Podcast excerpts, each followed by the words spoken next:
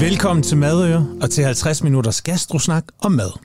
Vi skal snakke om maden, vi selv laver, om den vi nyder ude på restauranterne.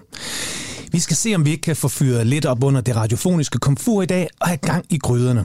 Og så sørger vi altid for en masse tips og tricks, så du bliver en endnu bedre hjemmekok.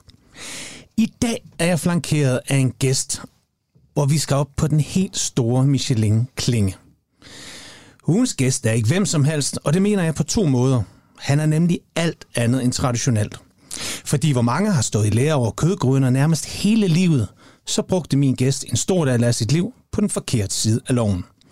Men i dag er han altså i min optik en af de største, vi har i Danmark. Han er i hvert fald en af de mest spændende og vidtrækkende. Velkommen til dig, Erik Vilgaard. Tak. Erik, du er køkkenchef på Restaurant Jordnær. Du driver restauranten sammen med din hustru Tina.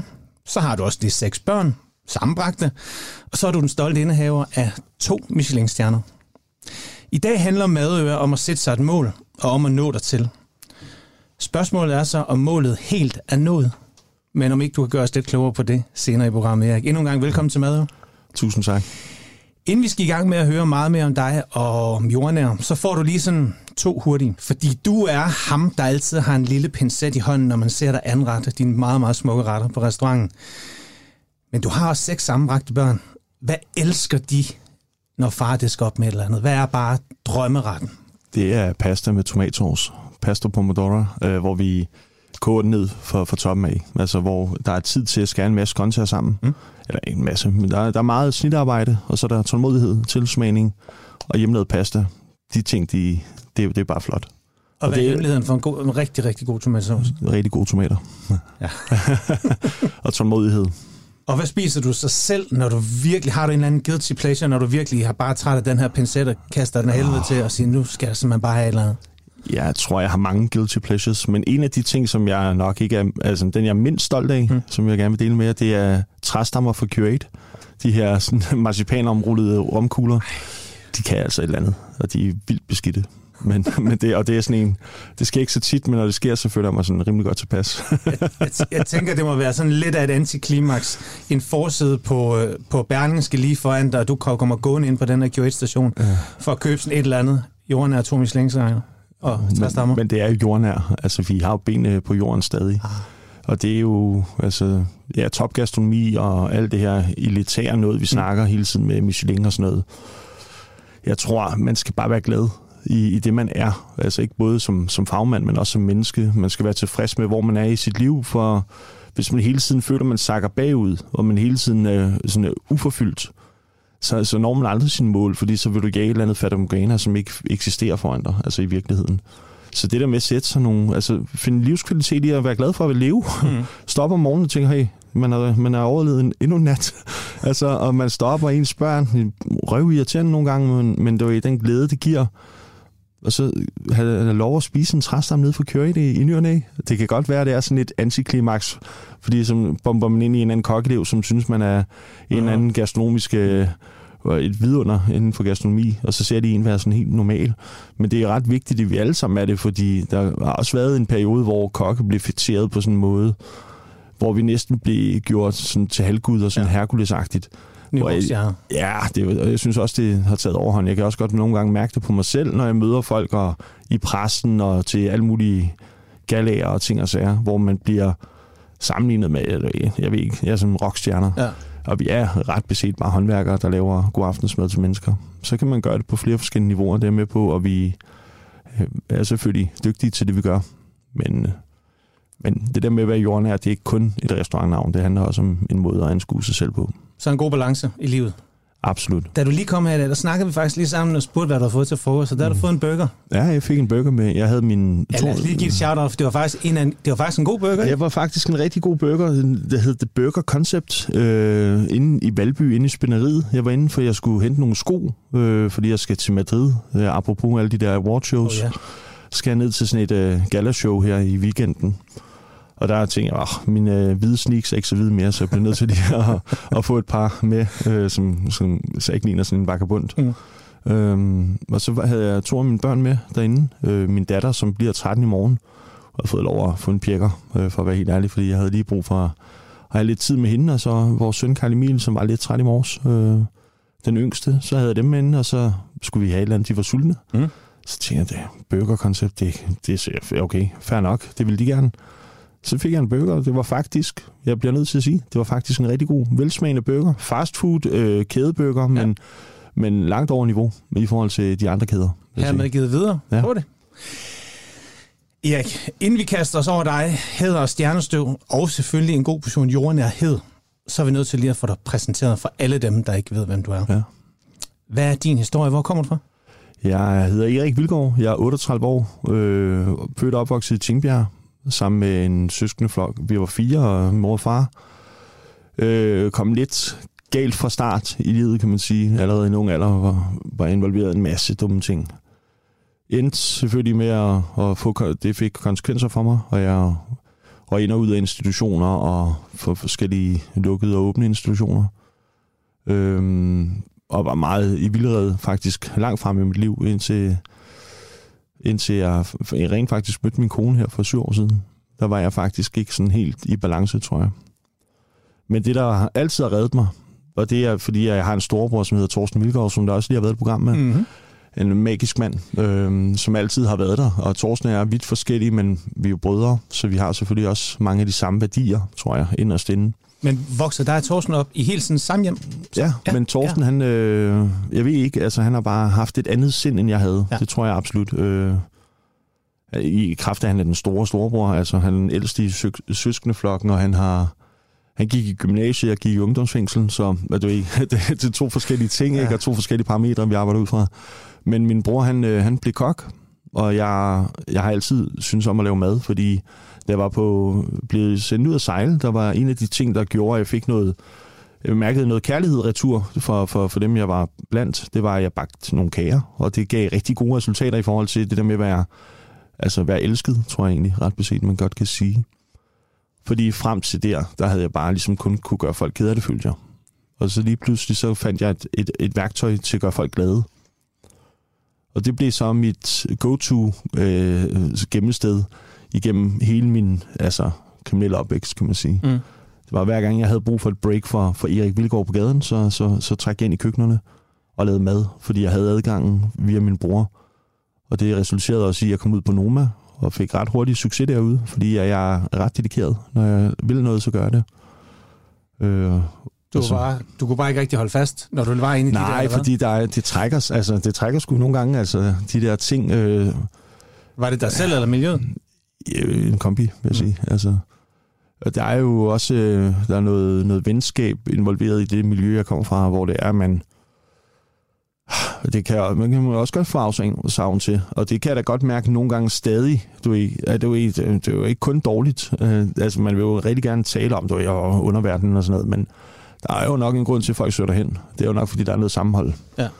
Uh, så det, det er ikke ligesom, du ved, det kan man godt så nogle gange mindes, du ved, sådan lidt, græsset var jo altid, altså i gamle dage var der altid hvid jul og alt det der. Så, så, så selvfølgelig var tingene jo ikke altid, det er ikke noget, man skal stræbe efter overhovedet. Men, men så jeg havde svært ved at finde ro i, i begge verdener, kan man sige. Ja. Kan du huske, hvornår sådan, din første sådan, passion for mad kommer? Jeg synes, jeg har læst et eller andet sted. Da jeg blev sendt ud at sejle. Okay, fordi ja. jeg, jeg synes også, Søren Frank har jo, og det vil jeg godt lige nævne, har skrevet et meget, meget flot portræt mm. af både dig og restauranten ja. i Berlingske. Det er der stadigvæk. Øhm, hvis man virkelig vil dykke helt ned i historien, så, så maler han virkelig det fulde billede. Det har vi slet ikke tid til her Nej. i dag, fordi vi skal meget mere omkring. Men øh, et, et, sådan et nedslagspunkt, som vi tit beskæftiger os med i programmet her, er selvfølgelig børn og madkundskab i den danske folkeskole. Jeg synes, jeg har læst et eller andet sted, at, jo, det er rigtigt. at, at der ramte du også et eller andet, som ja, du det er rigtigt. fandt flere for, eller i hvert fald synes, at, at det var interessant. Ja, men det, var, det er rigtigt. Det, det er faktisk øh, nok der, det rigtigt startede. Det var i folkeskolen i 6. 7. klasse, mm.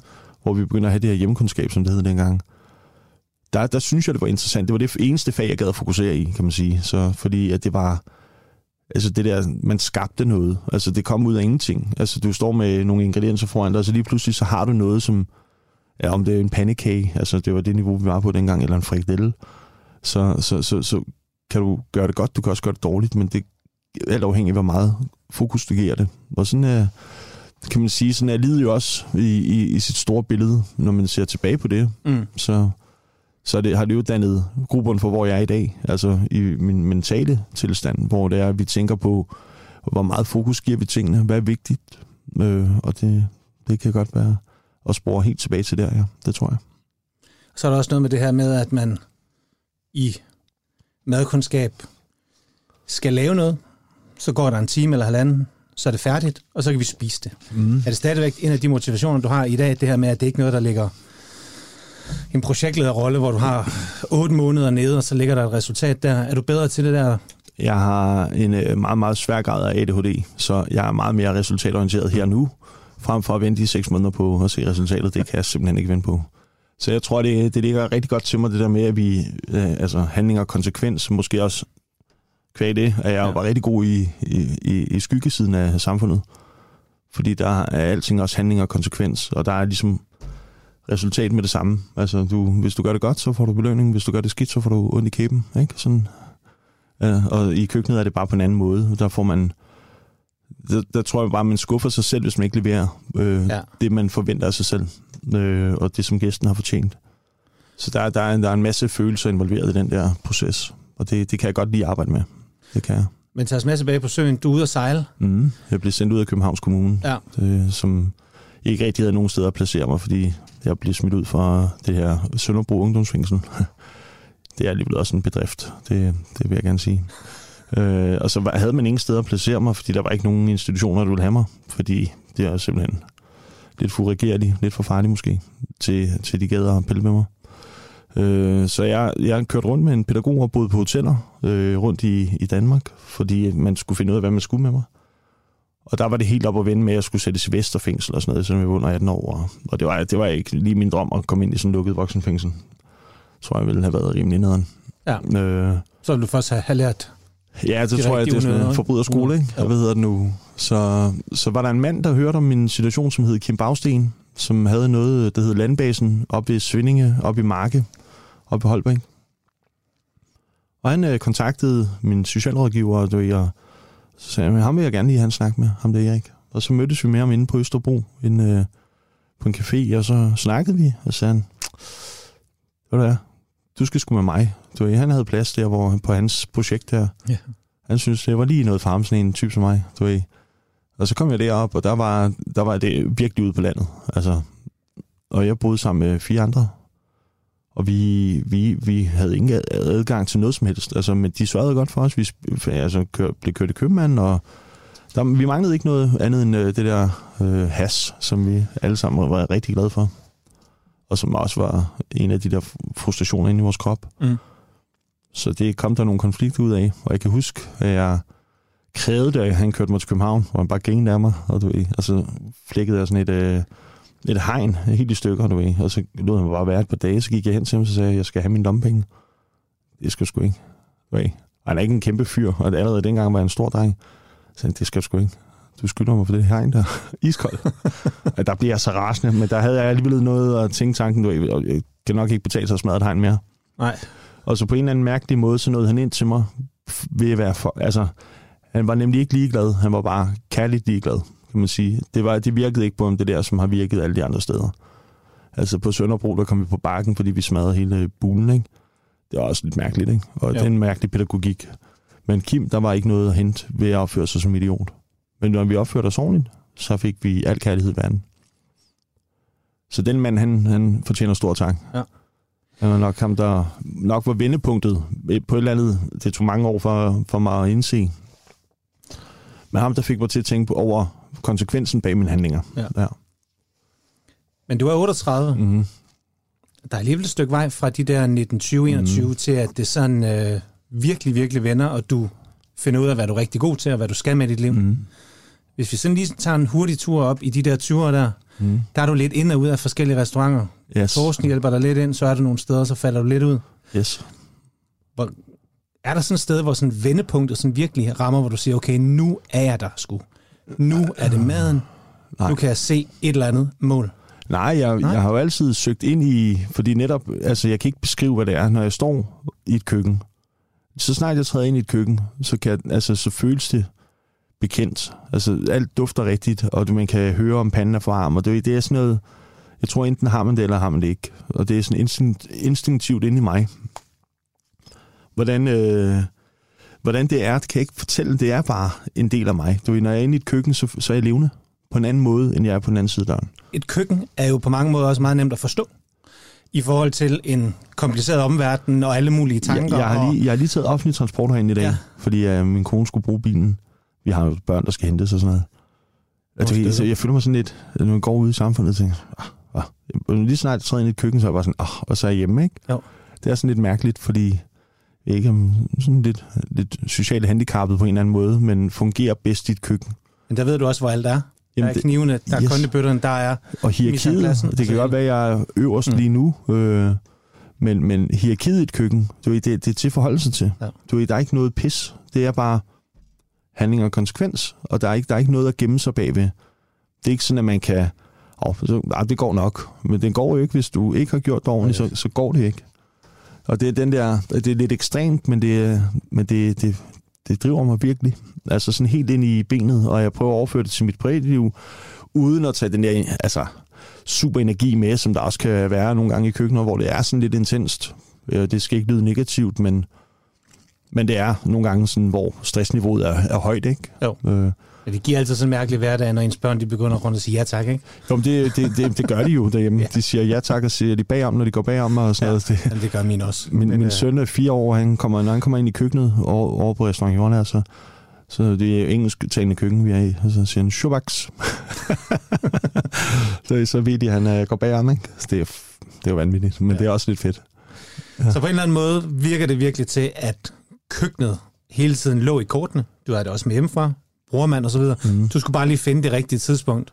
Ja, så skulle jeg finde, øh, jeg tror, det handler om at finde selvtilliden som menneske til mm. ligesom at, at, og nogle gør det før andre, altså nogle gør det tidligt i livet, det der med at finde ud af, hvor man skal hen. Ja. Altså den der, og det kræver enormt meget selvindsigt, og, og det har jeg måske ikke haft, fordi jeg har været super forvirret over, hvor jeg skulle være henne i livet.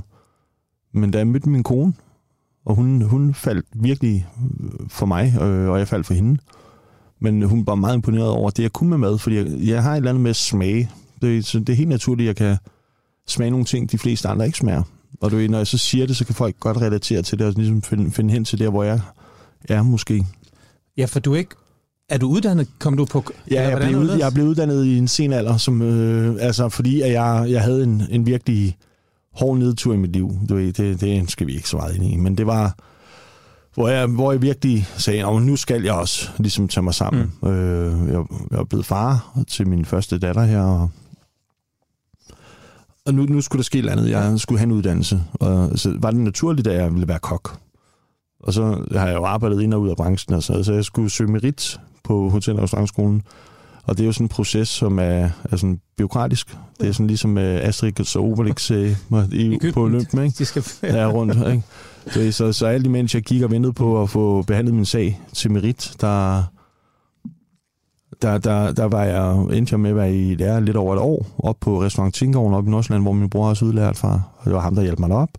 Shout out til Jan igen. Ja, ja. Han dukker altså op mange gange i den her podcast. Ja, men Jan, Jan, er jo... Øh, Jan er jo faktisk en helt fantastisk kok. Altså, vi kan lige så godt få sendt den invitation, ikke? Jo. Alle de skønne mennesker, Jan har haft igennem, nu, nu skal vi altså også snart høre det fra, det det. fra hans side, ikke? Jo. Ja. Øh, og hvad hedder det nu? Altså viste det sig så, at jeg egentlig bare kunne være gået op til svendeprøven. Og så, du, så det var sådan tu, tu, rigtig offentligt, ikke? Men var det nødvendigt for dig at få det der papir? Ja, det var vigtigt for mig, okay. for ligesom at føle, at jeg havde udrettet noget. Ja. Altså det er det der med også at kunne tage elever, fordi jeg vidste, at jeg en dag måske ville være køkkenchef og have, have nogle folk til arbejde under mig. Og så er du nødt til at have et svendebrev for at skrive under på, på andres svendebrev. Ikke? Okay. Øh, og det, det synes jeg, man skylder sit fag. Det er at, at, at give, den, altså, give den videre, så at sige. Og det kan man kun, hvis man har et svendebrev. Og det, det var, sådan, lige også have været lidt af en sejr at få det papir der. For... Ja, det var, det, var, det var en stor dag. Ja. Det var en stor dag.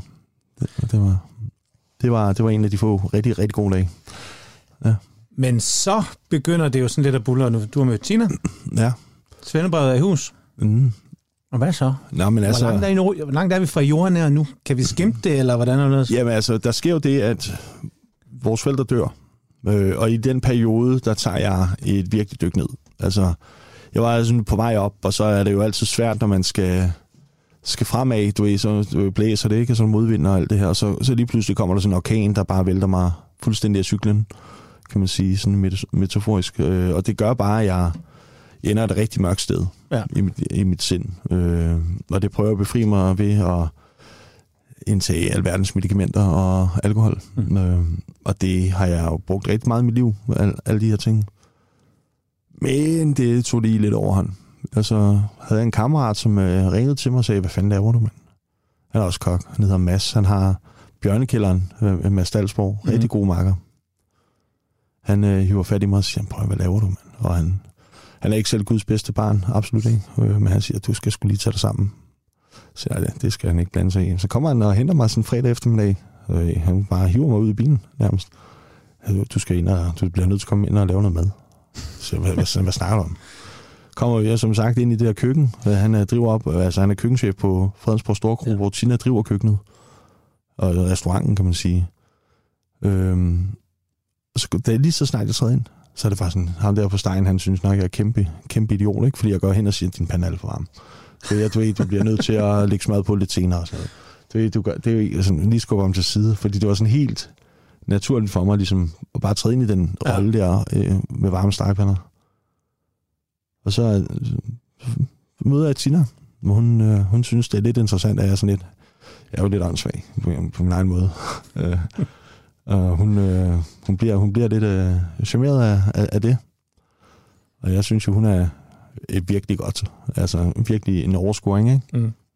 Så vi, vi, vi finder sammen, og så, så bliver hun ret hurtigt, altså efter det her, bliver hun gravid, mm. og så er det, du ved, vi står ved sådan en skillevej, hvor hun sådan virkelig frustreret, og, fordi jeg var jo ikke noget godt sted i mit liv stadig.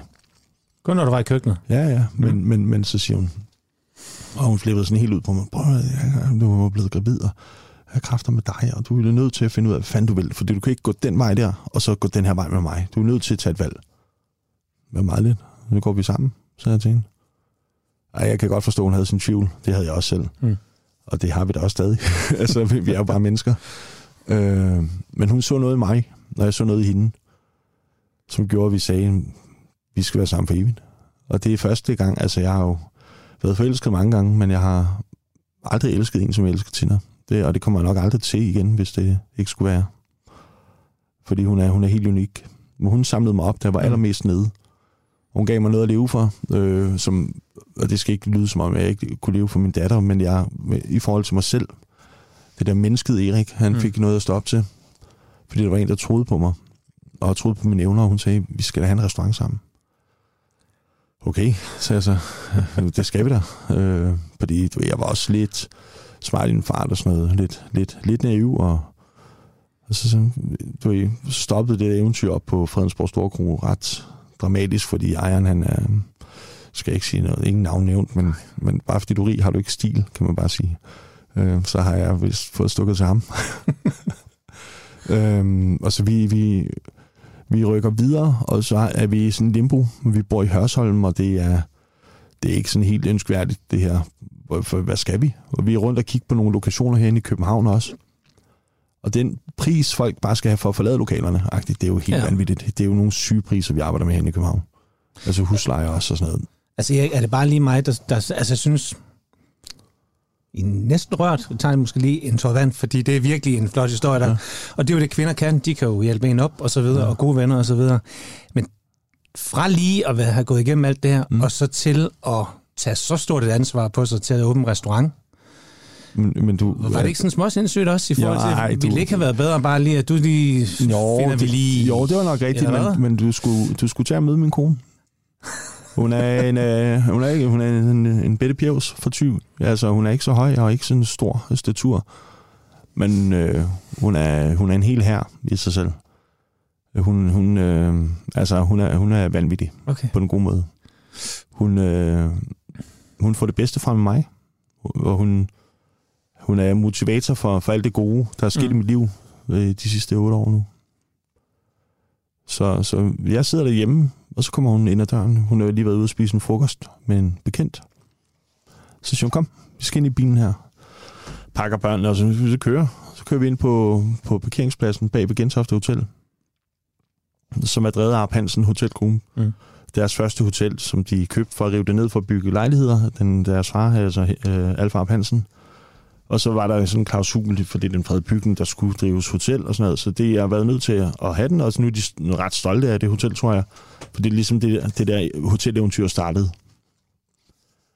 Og vi kommer ind, du jeg, det, jeg skal være ærlig, du ved, og med kæmpe respekt for Arpansen og hvad vi har sammen som samarbejde. Det var ikke lige det, jeg havde drømt om, da jeg trådte ind på Gentofte Hotel og tænkte, nu skal vi åbne et restaurant, fordi... Det var ikke nummer. Det var ikke, det var ikke noget prangende, der mødte mig. Og vi kommer ind i den her restaurant, som hedder Le Patron, og som havde sådan en biblioteksdør, som jeg kalder det, med sådan en trådgitter i glasset. Ja, ja. Det var en dørpumpe på, ikke, som smækkede bag dig. Så jeg tænkte, så, hvad skal vi her? Jeg troede, vi skulle møde en eller anden. Kan du se det for dig, Sion? Så jeg siger, hvad? det her, det er vores nye restaurant. Så bliver jeg så fornærmet. Ej, jeg bliver sådan nærmest rasende at kigge på hende. Jeg tror, mine øjne havde... Altså, fuck, jeg havde hende lige der. Altså, hvad fanden snakker du om, mand? Prøv nu at høre her. Hvor mange penge har du, siger hun så? Jeg har sgu ingen penge. Det, det, ja, det her, det kan vi komme ind i uden alt for meget. De vil gerne hjælpe os med at etablere en restaurant. Det vil sige, at de gerne vil sætte det i stand, lave en white frame og renovere køkkenet efter de altså lovforskrifter, der er nu, mm. og med lys og sådan noget. Du ved. Så de var villige til ligesom at, at lave en, en lokation, vi kan lege af dem. Sætte nogle borer og stole ind efter vores ønske. Så de lavede ligesom den der etablering for os. Mod at vi så betaler det øh, tilbage over huslejen, og, og det gør vi med glæde. Og vi fik øh, nogle, en ret god aftale med dem, og de har langt stykke hen ad vejen, har de øh, virkelig været rigtig fantastiske at arbejde sammen med Arp Hansen. Det skal jeg være helt ærlig at sige. Og det begyndte til jorden er i 2000 Ja, det var så i 16, 16 det her, ja. hvor vi startede ikke med at snakke med dem i, i vinteren, mm. altså 16. Og så går vi i gang, og der skal renoveres, og der er virkelig meget, der skal renoveres. De har ikke, jeg tror, jeg har rørt en finger ude i køkkenet siden 1960, hvor de byggede om til hotel. Så der er meget, ikke? Og vi, mm. vi, vi, vi, de har ligesom lavet et budget for, hvad, hvad de har lyst til at lægge ind i, i deres egen mursten og sådan noget. Så så valget står på, om vi skal renovere køkkenet, toptunede nye ting og sådan noget, eller om, om komforten for gæsten. Og der er jeg bare altid på gæstens side.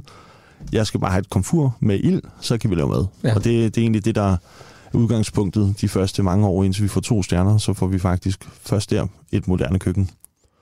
Så det her, det altså var med, først efter to stjerner? Ja, og det, før det, der havde vi en ovn, der dryppede vand i hvert service, som der er sådan en spor ned i, til afløbet stadig. Så var det bare ligesom flod, der har gravet sig ned gennem gulvet. Øh, og, og, og et gaskomfur, sådan Sanusi, som stod på sådan et ja, ja. stålstativ, sådan meget, meget skrabet Michelin-køkken, vil jeg sige. Men det er jo ikke udstyret at lave maden, det er jo, det er jo menneskene. Ikke? Og nu siger du selv Michelin, ja. og tiden går, for ja, den ja, del ja, skal vi ja. simpelthen have med også. Mm. fordi I går så i gang. Mm. Restaurant Jorden er en realitet. Og lynhurtigt bliver du ret god finder ja, du ligesom ud af, hvad du kan, eller hvad? Ja, jeg tror bare, jeg har det, og så, så får jeg lov at ligesom slippe det løs. Ja, fordi det er jo det er først... måske meget godt, jo, netop at slippe det løs. Yes, fordi den første tid er jo selvfølgelig præget af enormt meget usikkerhed. Det kan jeg jo også se, når jeg ser tilbage på de retter, vi lavede, og der er meget du ved, meget en, ens erfaring, man har taget ned fra hylderne, fordi så har man set noget her og her og der og der, og man har arbejdet med her og her og her. Så du har ikke nogen retning for køkkenet sådan i begyndelsen? Egentlig ikke. Jeg vil sige, i starten var vi rigtig nynordiske. Ja. Øh, og med al respekt for det nynordiske køkken, så, så er det bare ikke altid det, jeg, jeg selv søger i, okay. i mad. Øh, og det, det skal ikke lyde negativt. Men... Øh, det er for fersk. Det er sgu lidt for fersk, ja, ja til, også til mit temperament. Ja. Så, så, så med gradvist, så bliver mm. det mere og mere ind til min personlige smag, som er sådan meget asiatisk orienteret. Øh, fordi det giver noget dybde, og da jeg øh, et, et år efter vi åbnede, vælger at tage kød af menuen. Fordi det, jeg står og arbejder med de her gråænder, vi har på menuen, og jeg er bare sådan lidt, øh, det giver mig ingenting. Altså, Nej. det giver mig overhovedet ikke nogen gåsehud. Når jeg ser pikvaren hver morgen, så bliver jeg forelsket. Ja. Så når jeg åbner en kammusling, så bliver jeg sådan begejstret, jeg bliver nærmest erotisk opstemt. Øh, men, men, men det sker sgu ikke med, med en grøn. Det er bare sådan et stykke dødt kød. Det er bare virkelig, og det samme med et stykke oksekød. Og det er ikke, fordi jeg kan godt spise det. Som sagt, spiste jeg burger i dag, og det er helt sikkert lavet af okse. Eller alt andet. Mm. Men, men det giver mig ingenting at arbejde med som, som fagmand. Det, jeg synes, det er kedeligt. Og hvad så med den første stjerne? Vi åbner maj 17. Ja. I maj, eller i øh, august øh, 17, der sidder Michelin inde på bordet. Vidste du det? Ja, han gav sig til kende. Okay. Og der fik jeg æder med med gås ud. Mm-hmm. Puh, jeg blev nervøs. Og så, så er der ingen, der ved noget jo, og så er det jo øh, i uge 8, øh, i 18, at de kommer ud med guiden. Og vi tænkte, om så bliver vi nok inviteret. Vi har ikke hørt noget. Så vi tager i uge 7, er vi på, altid på vinterferie med børnene. Og vi er i Norge, og der er, vi har stadig ikke hørt noget. Den uge op til Michelin-uddelingen. Jeg bliver lidt restløs. Jeg tænker, fuck, fordi jeg ser nogle af kollegaerne poster på Facebook, Jamen, så er de inviteret, jeg tænker, fuck, og vi er ikke inviteret, de har været der, så er vi fandme ikke gode nok og sådan noget. Jeg bliver enormt usikker. Det er virkelig kaotisk. Men vi er kommet til at love et ældre ægtepar at holde deres diamantbryllup, og vi har ikke taget højde for, at det var i uge 7, så vi, mig og Tina flyver hjem fra, fra Norge øh, og tager hjem midt på ugen, laver det her arrangement om onsdagen, for at, at flyve tilbage til Oslo, Gardermoen, og så kører vi videre op til Lillehammer. Mens vi sidder i bilen, så tigger der en, en om torsdagen der, så tigger der sådan en, om vi har udvidet gæstelisten, så hvis I har lyst, så må I ligesom godt komme. Så okay, det vil vi da meget gerne, og, sådan, og så kommer vi ind på Rådhuset der om mandagen, og vi tager der ind med sådan en, fordi selvfølgelig, når de havde givet sig til kende, tænkte okay, så er der måske en lidt at hente og sådan noget. Ikke fordi man er naiv, men det, er sådan, det må man godt håbe jo. Det er godt for forretningen tænkte vi nu, okay, vi er inviteret tre dage før -agtigt. Det er ikke i år. Men så er vi i hvert fald inde, og folk, altså bliver vi set blandt vores kollegaer, og Michelin har øje på os, og da det så er, at den øh, lander på jorden her, ja, Hvad er fucking vanvittigt, altså. Men synes du, synes du, at dit køkken og dine retter var skarpe nok til en stjerne på det tidspunkt? Det skal du ikke spørge mig om, Nej. fordi jeg, jeg synes jo ikke engang, vi er skarpe nok nu. Okay. altså, så, så jeg er min værste kritiker. Okay. Øhm, Men det er måske også derfor, at du ender med tre stjerner? Måske. Men lad os lige tage os med på den anden først, ja. fordi...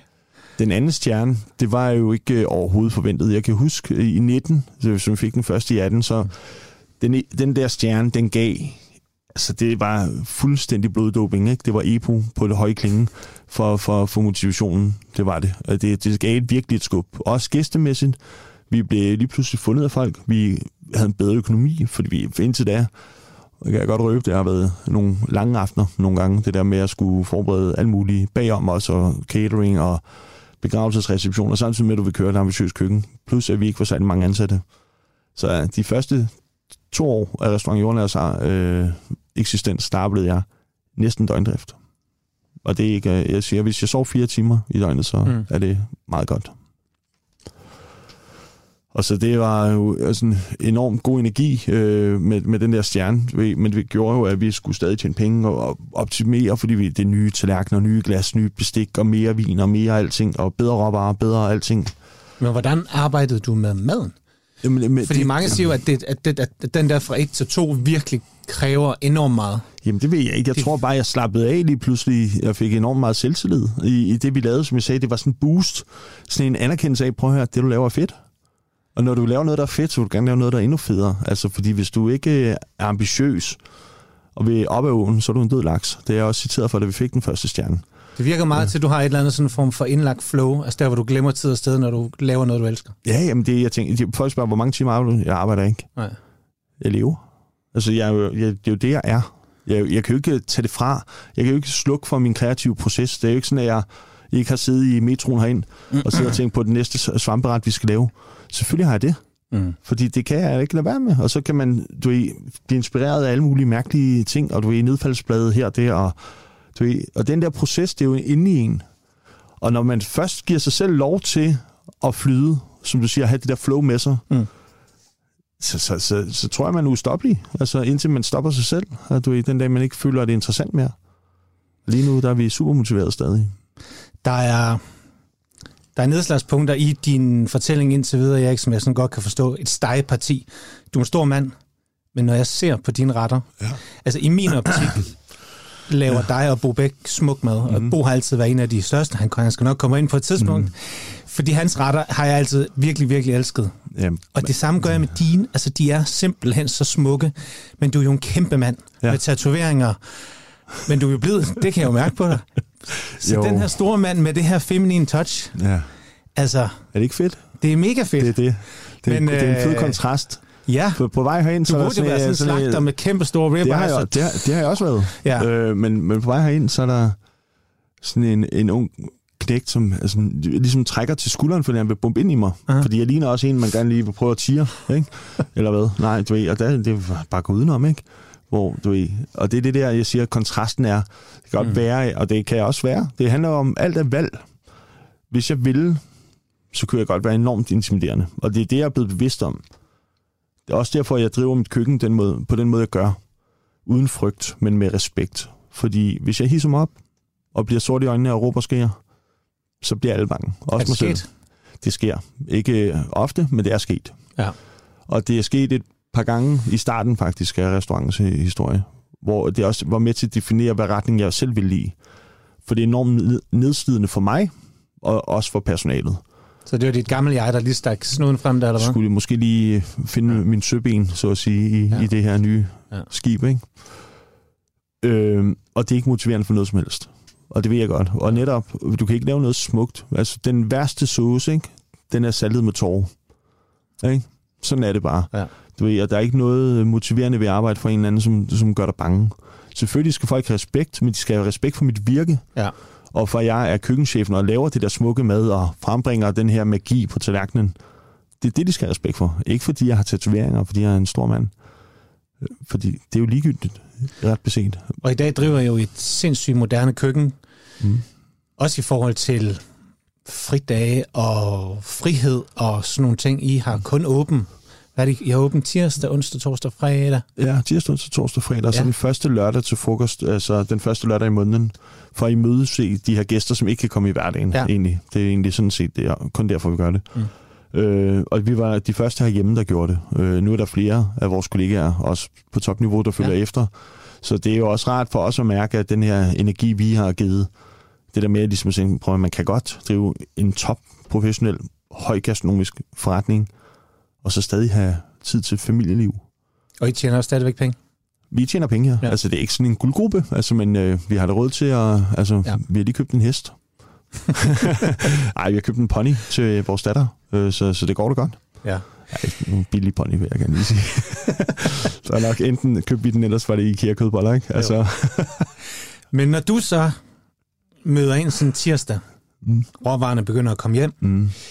Folk møder ind, har lavet kaffe, ja har du sådan et kæmpestort gigantdiagram hængende, hvor du ligesom ved, okay, den her tredje Michelin-stjerne, hvordan kommer den i hus? Overhovedet ikke. Og hvis, hvis jeg vidste det, så ville jeg ikke engang vide det.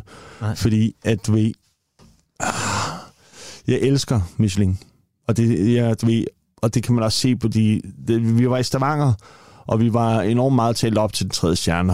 Alle vores kollegaer var sådan enige om, at vi skulle være det er år og sådan noget, og man bliver sgu lidt blind af det, ikke, når alle andre omkring en siger det. Jeg, som jeg selv siger, jeg synes jo ikke, vi er der. Øh, og den dag, jeg synes, vi er dygtige nok, så tror jeg også, jeg lukker, fordi så er vi, så er vi blevet mainstream. Mm. Øh, så jeg, jeg, jeg, jeg synes jo, det vi laver er godt, men jeg ved også, at vi kan blive meget bedre. Men Hvad kan I blive bedre til? Alt. Okay, så, så er der ikke et eller andet, hvor du siger, vi er kun på 80% på desserter, eller vi er kun på... Nej, jeg tror, vi, vi ser det som en enhed, ikke? Altså, vi, mm. altså, fordi det er ikke sådan, at der er noget, der skal løbe fra det andet, og men jeg tror måske, det vigtigste, vi kan, kan give forretningen og give ambitionen, det er jo at blive dygtigere mennesker i forhold til det, vi er. Altså, fordi det der med at finde roen, jeg tror, det mest irriterende mad at spise, af erfaring, mm. det er de der lidt, som ikke har ro i deres gastronomi. De kan lave alting rigtigt, men det smager bare uden sjæl. Og sjæl, det kommer kun med... Altså, det lyder sådan rigtig gammelt klogt, ikke? Mm. Men det kommer med erfaring. Og det kommer... Erfaring kan du ikke snyde dig til. Det kommer med tid. Og den der ro, der, der ligesom skal falde over tingene, for at tingene er helt i harmon, altså harmoni. Jeg tror, det er det, der er vores mål som restaurant. Og hvis det er tre stjerner, så, så be it. Og er det ikke tre stjerner, så er det bare en rigtig god to stjerner. Ja. Det har det altså rigtig fint med at være. Øh, vil jeg have tre stjerner? Selvfølgelig vil jeg det. Fordi, Får du det? Hvis du spørger mig, det lader vi lige hænge som en cliffhanger. Okay. okay. Selvfølgelig gør vi det. Det tror jeg også, I gør. Men hvordan, og hvad, hvad der skal til? Ja. Fordi, hvad, hvad vil vi gøre for at få tre stjerner? Det er også spørgsmålet. Fordi der er jo ikke nogen, alle har jo, og nu bliver alle spørgmænd, ikke? Mm.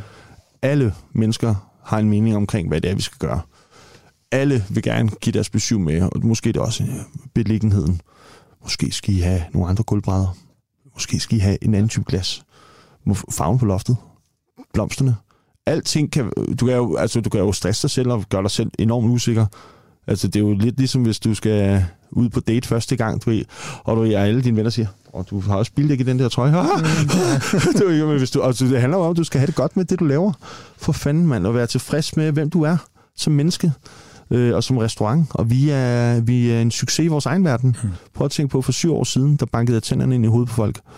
Nu, nu står jeg på toppen af dansk gastronomi sammen med mange gode kollegaer selvfølgelig, og har også et ansvar for ligesom at være rollemodel for, for ja. hvad, hvad der er vigtigt. Og jeg tror, at ambitionen om Michelin, når det går hen og bliver den bevidste ambition, så mister det, så mister det nummer et, værdi.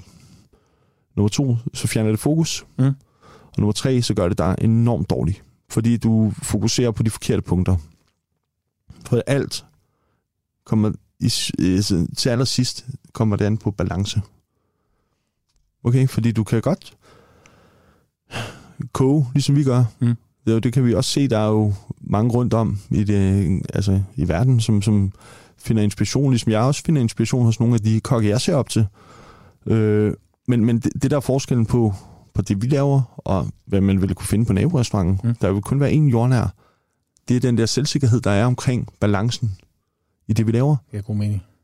Så du er, så du er, det er originalitet, og det kommer med ro. Det gør det. Så det er hele sjælen og essensen ved jordnær. Balance og ro. Ja, og så arbejde for ambitionen, men for mm. ens egen ambition om at være et bedre menneske. Fantastisk. Vi lovede i indledningen, at vi i dag ville køre det radiofoniske komfur helt herinde i studiet i dag. Ja. Fordi det er jo ikke hver at man har en Michelin-kok siddende med til to stjerner på skuldrene. Det er fredag, det er weekend lige om lidt. Er der ikke en eller anden af dine retter, som du kan bryde et lille smule ned mm. og lave sammen med vores lyttere? Eller et godt tips og tricks til et eller andet lækkert weekendmad? Jo, det... Altså, der er jo, Bring it on, ja. men nummer et, det ja. må jeg sige, dig, der lytter derude, mm. stil større krav til din leverandør. Altså, om det så er din lokale fiskemand, eller om det er din grøntsagspusher, stil krav til de råvarer, du får. Fordi lige meget, hvor meget du arbejder med en dårlig råvare, så kan du ikke gøre den god. Det er helt umuligt. Så, så less is small, men det kvalitet er alt. Brug nogle flere penge. Brug nogle flere penge på den rigtige råvare. Ja. Øh, den råvare, som jeg elsker, virkelig helt ind i, og som vi altid har på kortet, lige siden vi åbnede, det er kammuslinger. Mm. Fordi de er så alsidige. Det magiske. Du ved, man står med det der levende dyr, du ved, åbner skallen, og den bevæger sig, du ved, den der duft der hav, det er sådan pulserende, det, det, er, det er magisk, og den kan alt. Du, du kan lave ceviche, det vil jeg anbefale, fordi rå kammuslinger, den der sarte tone, de har, det er jeg helt vild med. Der sidder masser, der ikke ved, hvad ceviche er. Ceviche er nu skal vi have brugt det hele ned. Ja. Nå. Og ved du hvad, skal vi ikke... Lad os bare lige tage vores mm. faste segment også her. Mm. Fordi jeg har set, hvad du har med. Så skal vi ikke bare lige få det på bordet mm. i forhold til... Alle gæster bliver opfordret til at tage en hemmelig råvare med. Mm. Så Erik, take it away. Hvad har du med? Jeg har kammusling med. Kammusling. der var den. og de ligger faktisk her. Ja. Flotte. De er ikke i en hvid spand. Nej. de ligger i sin skal, og det er der måske ikke ret mange, der har prøvet. Nej. Så øh, lav lige en weekendret for os med ja. kammusling. Okay. Kan I se her i siden ude, altså hvis du har øh, hvad kan man sige, lukkemusklen ind mod dig selv på, på, på, på skallen, der hvor altså, buen peger fremad, så står du med den her i hånden, mm. ude til højre. Der er en lille åbning, der tager du din, øh, vi bruger en, en, en ganske almindelig middagskniv her, tager du ind, og så vrikker du op, så den lige lufter mm. bagenden der ved, ved, ved samlingen, så kører du ind og ligesom får fat i det bæreste der, og så fører du kniven op langs skallen, hen frem og vrikker lidt, så den lige slipper, og så får du skallen af på toppen. Så har vi en hel kammusling. Så har vi en kammusling, der ligger hernede med sin rovn og sin, øh, sin øh, skørter på. Og det her det vil være dybt angstprovokerende for rigtig mange. Men jo, man skal bare kaste ud i det. Men råvarer, de, de kommer jo ud af naturen. Ja, det er rigtigt. Øh, så tager vi så kan du vælge lige at tage den af med fingrene. Så kan I se, så skal vi have den her hinde, som sidder rundt med, med rovnen og med, med skørterne. Den skal vi lige have trukket ud over kammuslingen, sammen med den her muskel, der sidder på. Så når vi har befriet den for den, så, så renser vi den lige en lille bitte smule. Vi, vi bruger saltvand. Vi kan godt lide, samtidig så salter vi den en lille bitte smule. Okay. Lige løber den hurtigt igennem, lige ned og døb, og så op på et stykke fedtsugende papir, og så står den der og er klar til at arbejde med. Og kan man ikke få helt friske, så køb de bedste, man kan få, ikke også? Jo, det er de helt friske. Ja, det er de helt friske. Okay. Ja, og jeg ved godt, det lyder så stor snobbet og sådan noget, men, men jeg synes, det er et af de... Altså, vi snakker hele tiden om, at Danmark er gastronomisk foran og sådan noget. Ja. Men prøv at gå ned og se de supermarkeder, hvad der er på hylderne, mand. Så vidt uland. Mange steder, ikke? Mm. Øh, fordi den gastronomiske formåen skal ikke måles på, hvor dygtig jeg er i mit Michelin-køkken. Eller hvor, hvor, hvordan vores andre kollegaer, både 2 og 3 og 1 stjernede og andre dygtige restauranter gør det. Det er, hvad du øh, har mulighed for som hjemmekok. Netop, hvis du ikke kan få kammuslinger i den her kvalitet, hvorfor så spise kammuslinger? Hvorfor skal vi have et eller andet produkt, som har været altså, langt undervejs over fra Alaska, som er, er trålet, eller skarpet i hvert fald med maskiner, udlagt hav, havmiljøet? Det skal vi da ikke støtte. Mm. Mm. Skal, du skal få de her hånddykkede norske, eller måske altså, er det lidt, kan du få nogle franske gode, du ved, men det skal da være et levende, flot produkt, du arbejder med. Stil krav til det, i stedet for at købe Pangasius filet nede i supermarkedet, det, som kommer fra Victoriasøen i Afrika, så køb sgu da en dansk sild, eller køb noget andet fisk. Brug noget af det lokale. Brug noget. Jeg siger ikke, vi er ikke 100% lokalt forankret overhovedet. Jeg er sådan en verdensgastronom. Jeg kan godt lide alt fra hele verden. Men det er det bedste af det bedste. Ja. Fordi livet er for kort til dårlige råvarer. Så kan du ikke få den rigtige kammersling, så lad være at spise den. Så laver vi noget andet sted. Ja, så lav noget andet, så tag jomfruhummer. Ja. Du går ned til fiskehandleren. Du ved, der, er- altså, vi arbejder med fiskerikajen. De har ikke en fysisk butik, tror jeg mere. Øh, men der ligger nogle andre dygtige nogen, blandt andet også i torvhallerne. De, der kan man godt gå ind og så bede dem om at... Altså, få Og Fiskerikajen leverer faktisk til rigtig mange menukæder Ja, ja, rundt omkring i, øh, i hvert fald i Ja. København og omegn, ved jeg. ja, ved. Men ellers Jesper, gå til en Jesper Hjalte og drengene derude. Kæft, de er, de er en stor del af succesen, skal lige. De bliver nødt til at få et shout-out. De får også shout-out ja, her. Godt. Det, det, Kammuslinger, mm. de er klar. Så har du her. Hvilken ret skal vi lave, egentlig? Jeg tænker råmarinerede kammuslinger med, med sådan lidt syre. Jeg vil gerne lave sådan et lidt, lidt sådan syrebetonet ret. Vi har grønne stikkelsbær, vi har lidt limeskal, vi har fingerlime, så har vi en lille Det ved jeg ikke, hvad det er. Fingerlime. fingerlime. Det er den her limefrugt, der ligner en finger, hvor øh, der kommer per, per, perler ud af. Man kan bare bruge almindelig Ja. lime. Vi bruger almindelig det, lime. Ja, vi bruger Yes. yes. almindelig, Mm. almindelig lime. Så, så skal vi, øh, der, fordi den her der er meget hyggelig til derhjemme, så skal vi kammuslingerne op i skiver, lægger den op tilbage i skallen, pensler med en lille bitte smule mandelolie. Det kan du også købe, man kan også lave det selv. Øh, Presse sin olie selv. Det Kan man bruge en god, kan man bruge en god Man kan også bruge en god olivenolie, Okay. det kan man godt. Pensler det på, lægger det tilbage i skallen, så den ikke klister fast i skallen egentlig. Så har vi lavet den her sådan vinaigrette på, på stikkelsbærjuice og fløde.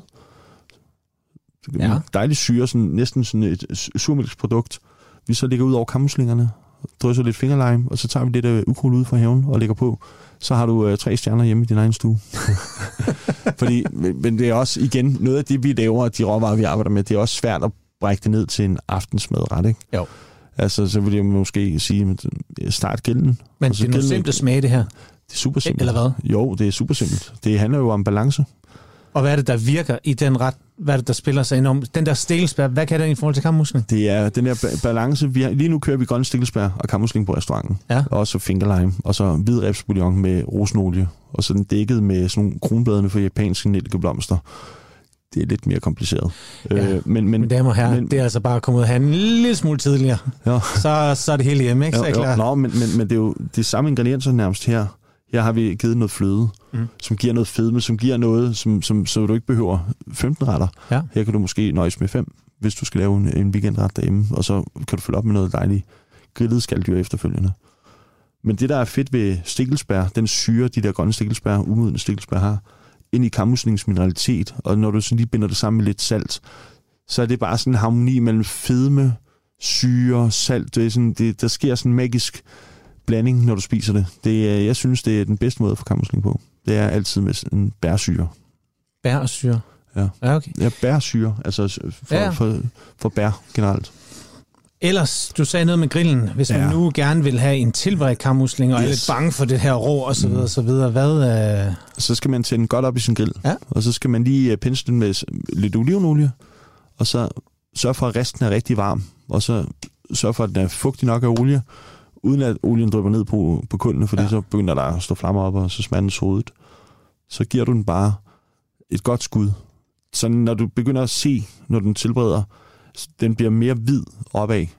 Når, den så, når du mærker på bagsiden af den, den side, øh, som peger op mod dig, når Mm. den er lun, så tager du den af, trækker den fra og lægger den sådan væk fra kuldene, uden at sådan ikke tilbereder, Ja. men står og trækker på varmen. Mm-hmm.